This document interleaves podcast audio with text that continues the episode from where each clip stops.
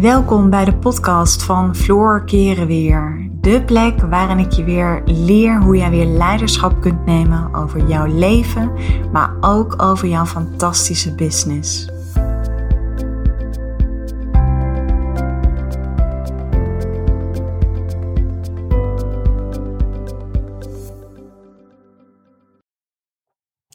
Ja, welkom. Ik, uh, deze podcast die uh, ga ik, uh, heb ik speciaal voor uh, Annette, ga ik die opnemen.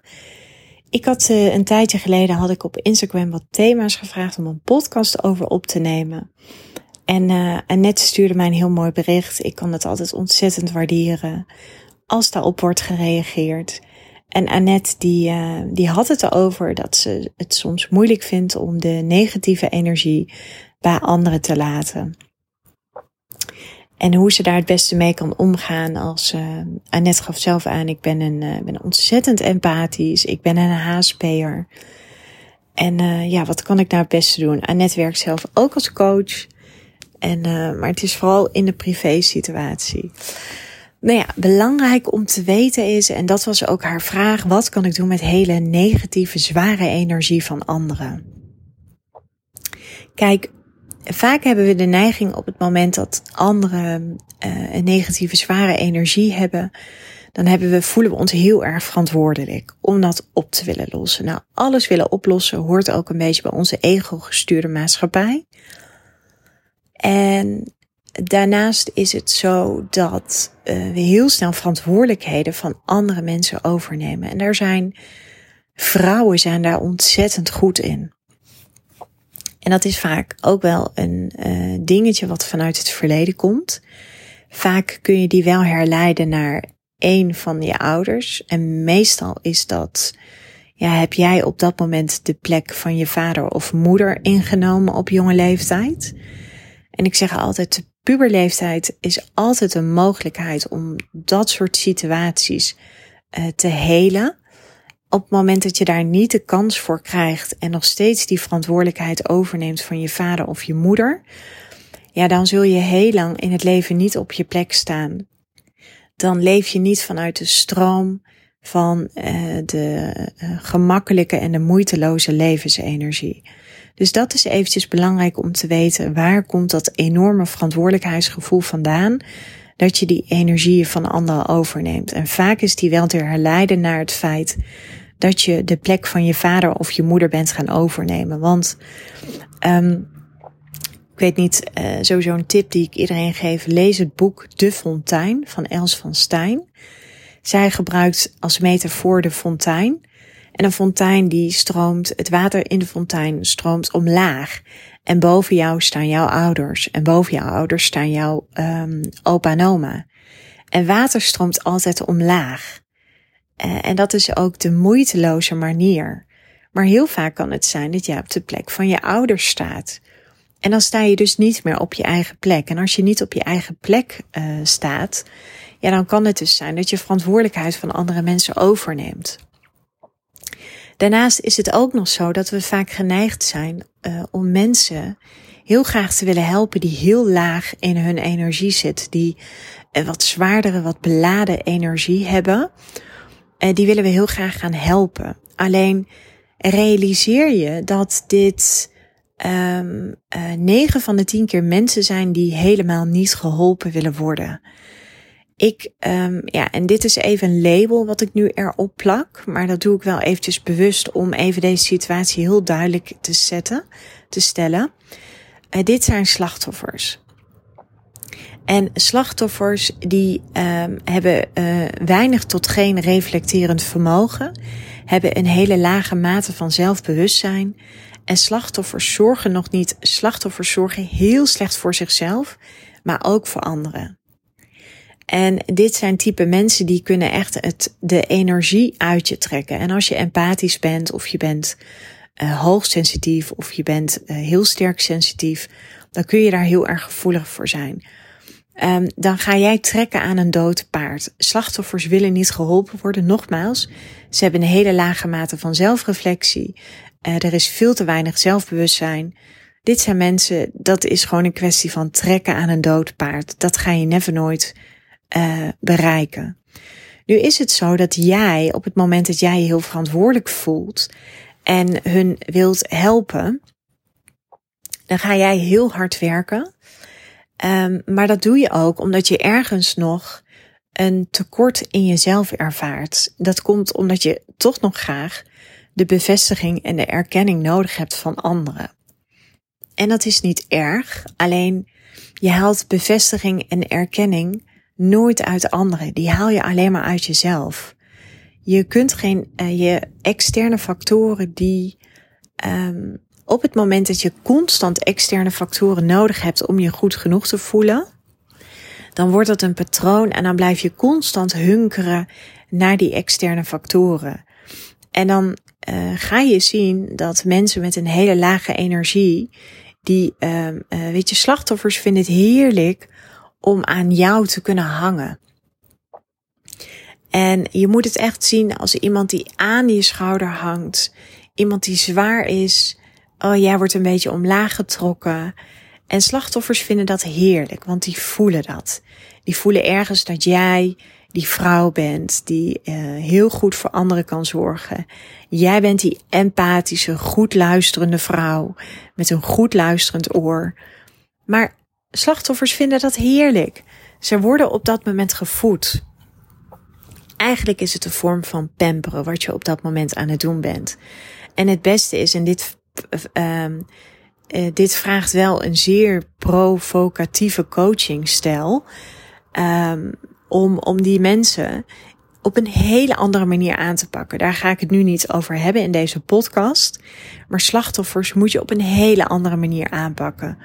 Het heeft geen zin om ze aan de hand mee te nemen. Nee, je moet ze eigenlijk echt eventjes, nou ja, stevig aanpakken. En, en um, nou ja, weet je, nu ga ik er toch op in. En dat wil ik helemaal niet, want daar gaat deze podcast helemaal niet over. Het gaat erom hoe jij leert omgaan met die zware emoties, met die negatieve, zware energie van andere mensen. En ik weet dat heel veel uh, coaches en trainers kunnen hiermee te maken hebben.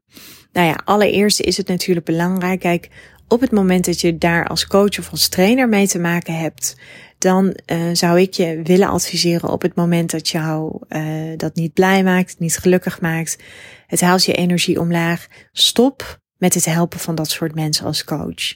Dat is gewoon het enige advies dat ik heb. Ga niet met dat soort mensen aan de slag. Tenzij je er super gelukkig van wordt en zoiets hebt van, hé, hey, ja, dit zijn mensen die kan ik super goed helpen.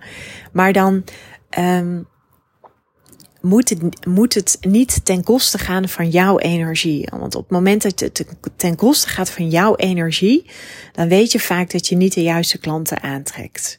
Maar als het in de privésfeer is, en uh, daar ging het in dit geval bij Annette over, ja, dan is het uh, heel belangrijk om je dus te realiseren wat ik net zei.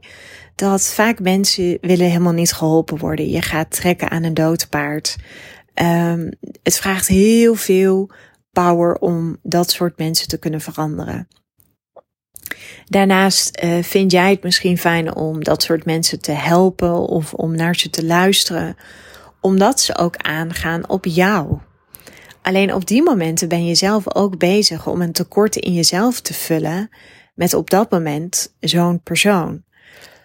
En ja, als je mij dan vraagt, en dat was de vraag van Annette, hoe kan ik hier het beste mee omgaan? Is um, ja, nu met deze achtergrondinformatie die ik nu met jou heb gedeeld, waar het vandaan komt, is je daar heel bewust van te zijn. En um, eigenlijk alleen maar te luisteren naar zo iemand en alleen maar vragen te stellen. En wie praat, die laat, zeg ik altijd. Dus zo min mogelijk praten, zo min mogelijk willen overtuigen. Alleen maar vragen stellen. Open vragen stellen. En die persoon zelf laten nadenken. En de energie echt denkbeeldig bij de ander te laten. Dus jij bent alleen maar gefocust op jezelf en op je eigen energie. En de energie van de ander laat je bij die ander. En dat kun je dus, enerzijds kun je dat energetisch doen. Door heel erg in te tunen op jezelf. Um, en door die ander echt uh, zowel energetisch uh, op afstand te houden als emotioneel op afstand te houden. En hoe houd je iemand emotioneel op afstand? Is doordat jij die persoon niet gaat vertellen wat hij moet doen. Laat die persoon het zichzelf maar vertellen, waarbij jij slechts alleen maar open vragen hoeft te stellen. Meer hoef je niet te doen. Jij moet het minst hard werken in dat contact. Die persoon moet eigenlijk hartstikke hard werken. En jij moet die persoon aan het werk zetten, zodat die persoon zelf leert nadenken. Het is natuurlijk moeilijk op het moment dat dit iemand is in een familiesfeer of dat het een vriend of een vriendin betreft. Maar realiseer je wel dat je gaat lijken op het gemiddelde van de vijf personen met wie jij heel veel omgaat. Dus op het moment dat deze persoon een zware lage energie heeft, moet jij jezelf heel goed realiseren dat dat altijd iets doet met jou. Het trekt jou altijd hoe dan ook naar beneden. Dus de, gewoon de, de hele eerlijke vraag naar jezelf is: wat maakt dat jij doorgaat met deze persoon in jouw leven? Wat maakt dat jij jouw tijd en jouw energie steekt in deze persoon? Kijk, ik kan dat niet voor jou invullen. En ik kan vanaf een afstandje kan ik heel gemakkelijk aangeven hoe je dat zou moeten doen. Ik weet niet hoe belangrijk deze persoon voor jou is. Maar ik heb persoonlijk wil ik mensen die heel negatief in het leven staan, die uh, een enorme slachtofferrol zitten, ja, daar heb ik helemaal niets mee. Die zal ik altijd op afstand houden. Ik heb in het verleden ook dat soort vriendschappen gehad, maar daar ben ik mee gebroken. En het heeft mij persoonlijk heel goed gedaan. En um, ik zeg niet dat het mij nooit meer overkomt dat ik met dat soort mensen te maken heb, maar de frequentie van het contact houd ik zo laag mogelijk. En op het moment dat ik een keer contact heb, um, ben ik wel altijd super recht door zee. Dus ik, uh, ik zal die persoon nooit gaan sparen. Ik ben, en sowieso ben ik heel direct en draai ik nooit om de hete brei heen. Um, en dat waardeert niet iedereen en dat mag. Maar dat zegt uiteindelijk natuurlijk heel vaak iets over de persoon die het ontvangt. Want ik zal het altijd op een respectvolle manier doen. Maar ik geef wel feedback op de momenten dat ik dat zie. Of ik geef wel feedback op het moment dat mensen daarom vragen. Ik ga nooit ongevraagd advies geven. Want daar heb ik zelf ook een bloedhekel aan. Maar op het moment dat het mij wordt gevraagd, geef ik wel direct advies. Dus de essentie is in dit verhaal dat jij niet heel hard gaat werken. Dat jij niet de problemen van iemand anders gaat oplossen. Want als jij van nature, en dat schreef Annette mij ook, ik ben van nature een heel daadkrachtig persoon. En ik, um, uh, ik moet heel even denken wat de strekking was. Um, nou ja, ze is zelf heel daadkrachtig en um, het, het raakt haar ook op het moment dat mensen daar niet zelf mee aan de slag gaan. Weet je dan, als je dat ziet, dan weet je eigenlijk gelijk dat je met een slachtoffer te maken hebt. Want nogmaals, slachtoffers willen helemaal niet geholpen worden. Slachtoffers, die zorgen niet alleen maar slecht voor zichzelf. Slachtoffers, die zijn, uh, zorgen ook nog heel slecht voor anderen. Ze zijn super giftig. En ja, dit klinkt misschien een beetje bold, maar ik wil wel um, hier gewoon bloed eerlijk over zijn. Weet je, stel jezelf de vraag, en dit is iets wat ik mezelf dagelijks mezelf dagelijks afvraag. Met wie wil ik mijn tijd en mijn energie delen? Want tijd en energie is voor mij mijn leven. Dus ja, ik uh, uh, vermoed dat er ontzettend veel waardevolle um, inspiratie en informatie zit in deze podcast. Zodat je voortaan ook weet hoe je hiermee kunt omgaan. Want nogmaals, je gaat lijken op het gemiddelde van de vijf mensen die heel dicht bij jou staan. En vaak op het moment dat jij andere mensen heel graag wilt helpen vanuit een hele daadkrachtige houding, jij neemt hun energie over. Dat heeft enerzijds te maken met jouw eigen uh, jeugdervaringen. Anderzijds vind je het ergens ook fijn om die mensen te kunnen helpen, omdat je daarmee ook een deel in jezelf voedt, wat jij jezelf nog niet helemaal kunt geven. En anderzijds um, weet ook gewoon dat dit soort mensen heel erg aangaan op jou. Want jij bent een beetje die helper. Jij bent een beetje die redder in nood. En dat voelen mensen heel snel. Maar het is een beetje hetzelfde als een babytje wat, of een peutertje wat zindelijk moet gaan worden. Ja, als je die constant maar die luier blijft omhouden, dan wordt zo'n kind nooit zindelijk. Totdat je die luier een keer weglaat. En dan zijn er heel veel ongelukjes, maar er komt een dag dat uh, het kindje niet meer in haar uh, pamper zal poepen of plassen. En zo werkt het ook met slachtoffers. Dus je moet slachtoffers vooral niet aan jou binden.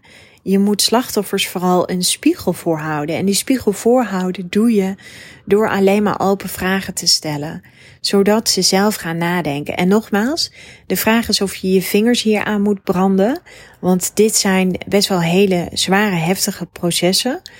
Um, en dit vraagt wel een, een, een hele bijzondere bedrijven aanpak. En de vraag is of jij daar de aangewezen persoon voor bent. Sowieso in jouw rol als coach, maar ook in jouw rol als mens. Dus stel jezelf ook gewoon heel eerlijk de vraag: word ik hier blij van? Wil ik dit? Wil ik überhaupt deze energieën? Wil ik überhaupt uh, deze mensen in mijn leven hebben? Wees super eerlijk naar jezelf. En als het antwoord daarop is dat je dat niet wil, stop er dan gewoon mee. Weet je, je bent, je krijgt wat je tolereert. Dus, en jij bent altijd maar één stap verwijderd van een volgende keuze die jij kunt maken. Dus pak die regie en ja, doe vooral je voordeel met, uh, met deze podcast. En uh, ik hoop, Annette, dat het jou verder gaat helpen. Laat het me vooral eventjes weten, want dat zou ik ontzettend leuk vinden. En uh, ik wil jullie bedanken weer voor het luisteren en tot later.